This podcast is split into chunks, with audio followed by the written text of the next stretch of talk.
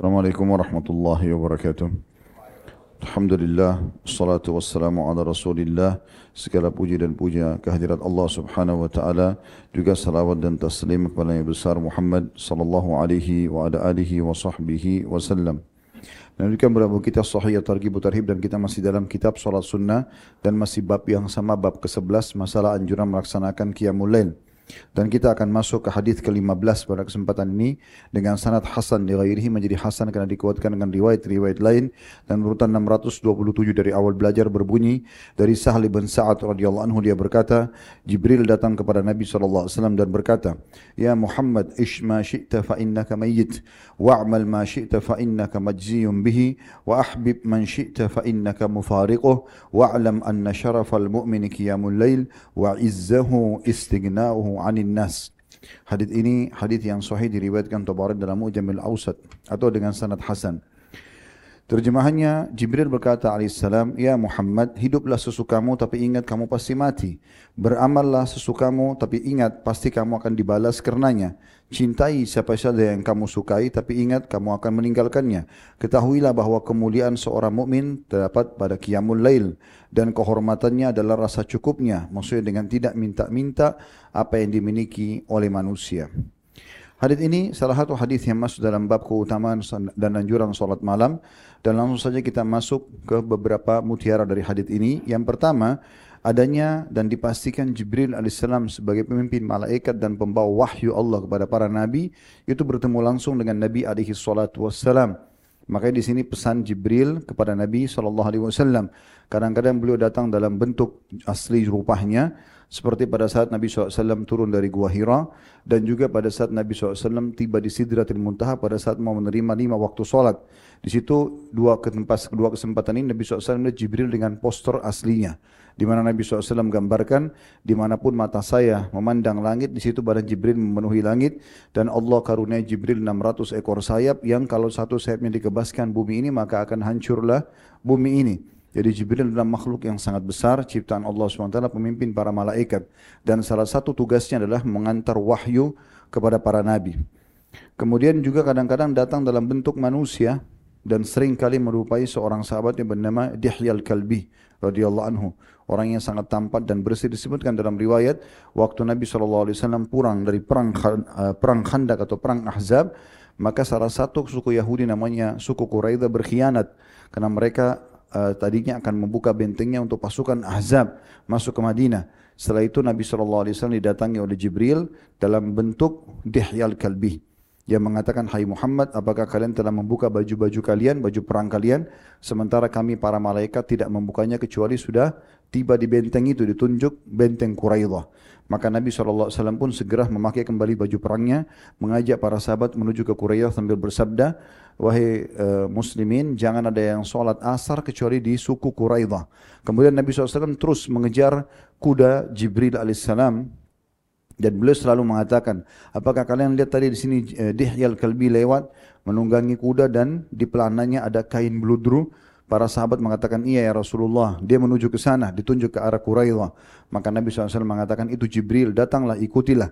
Maka Nabi SAW seringkali juga menjelma seperti ini. Atau datang dalam mimpi juga bisa terjadi. Mutiara yang kedua adalah wasiat pertama Jibril AS kepada Nabi SAW, Ishma syi'ta fa innaka mayyitun.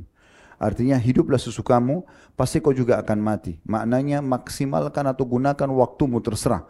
Mau pakai apa saja terserah. Tapi pasti kau akan mati akhirnya. Oleh karena itu pesan ini penting. Maksudnya jangan sia-siakan waktumu. Karena di saat sudah mati maka penyesalan akan terjadi.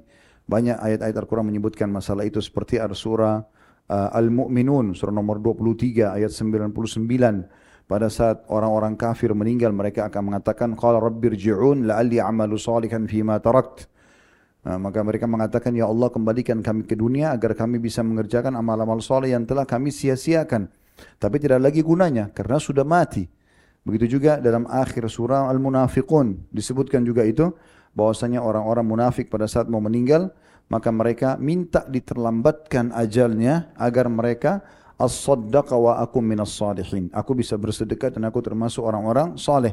Tapi tidak ada manfaatnya lagi.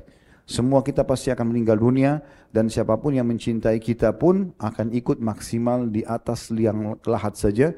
Tidak akan pernah masuk dan dia akan meninggalkan kita tentunya. Oleh karena itu kita harus berhati-hati. Jangan sampai mati datang kemudian kita belum punya persiapan.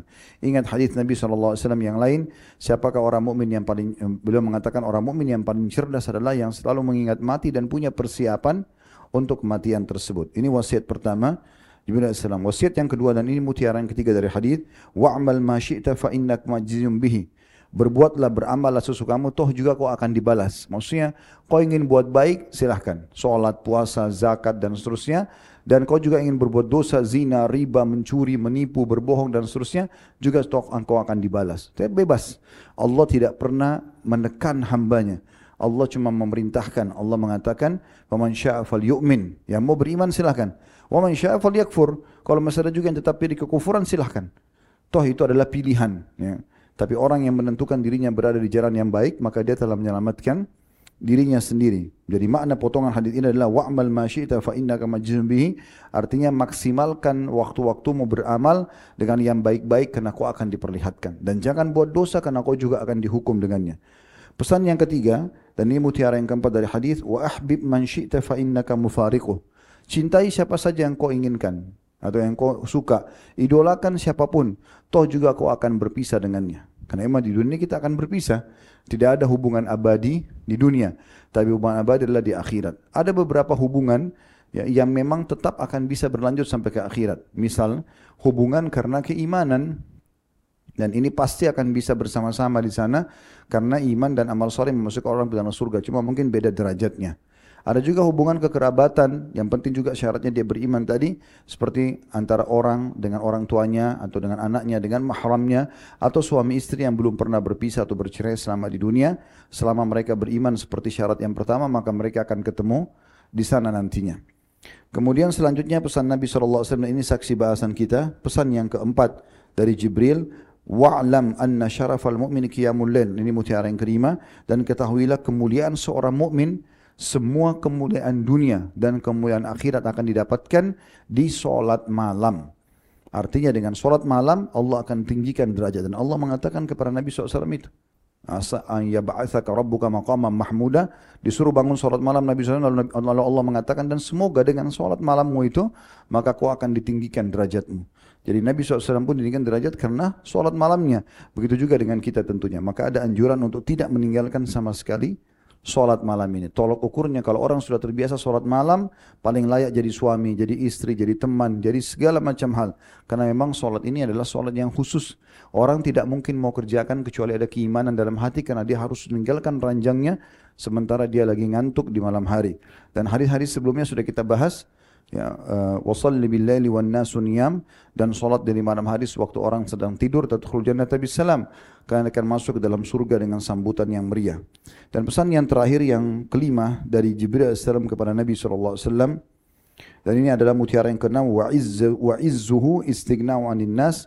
Dan kemuliaan hidup seseorang muslim itu ada dengan tidak meminta-minta atau kehormatannya dengan tidak mengemis atau meminta-minta kepada orang lain.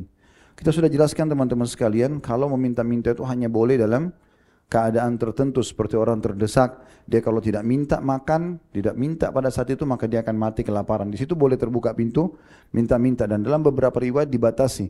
Kalau seseorang sudah punya makan siang, tidak boleh dia minta untuk hari itu sepenuhnya sampai besok.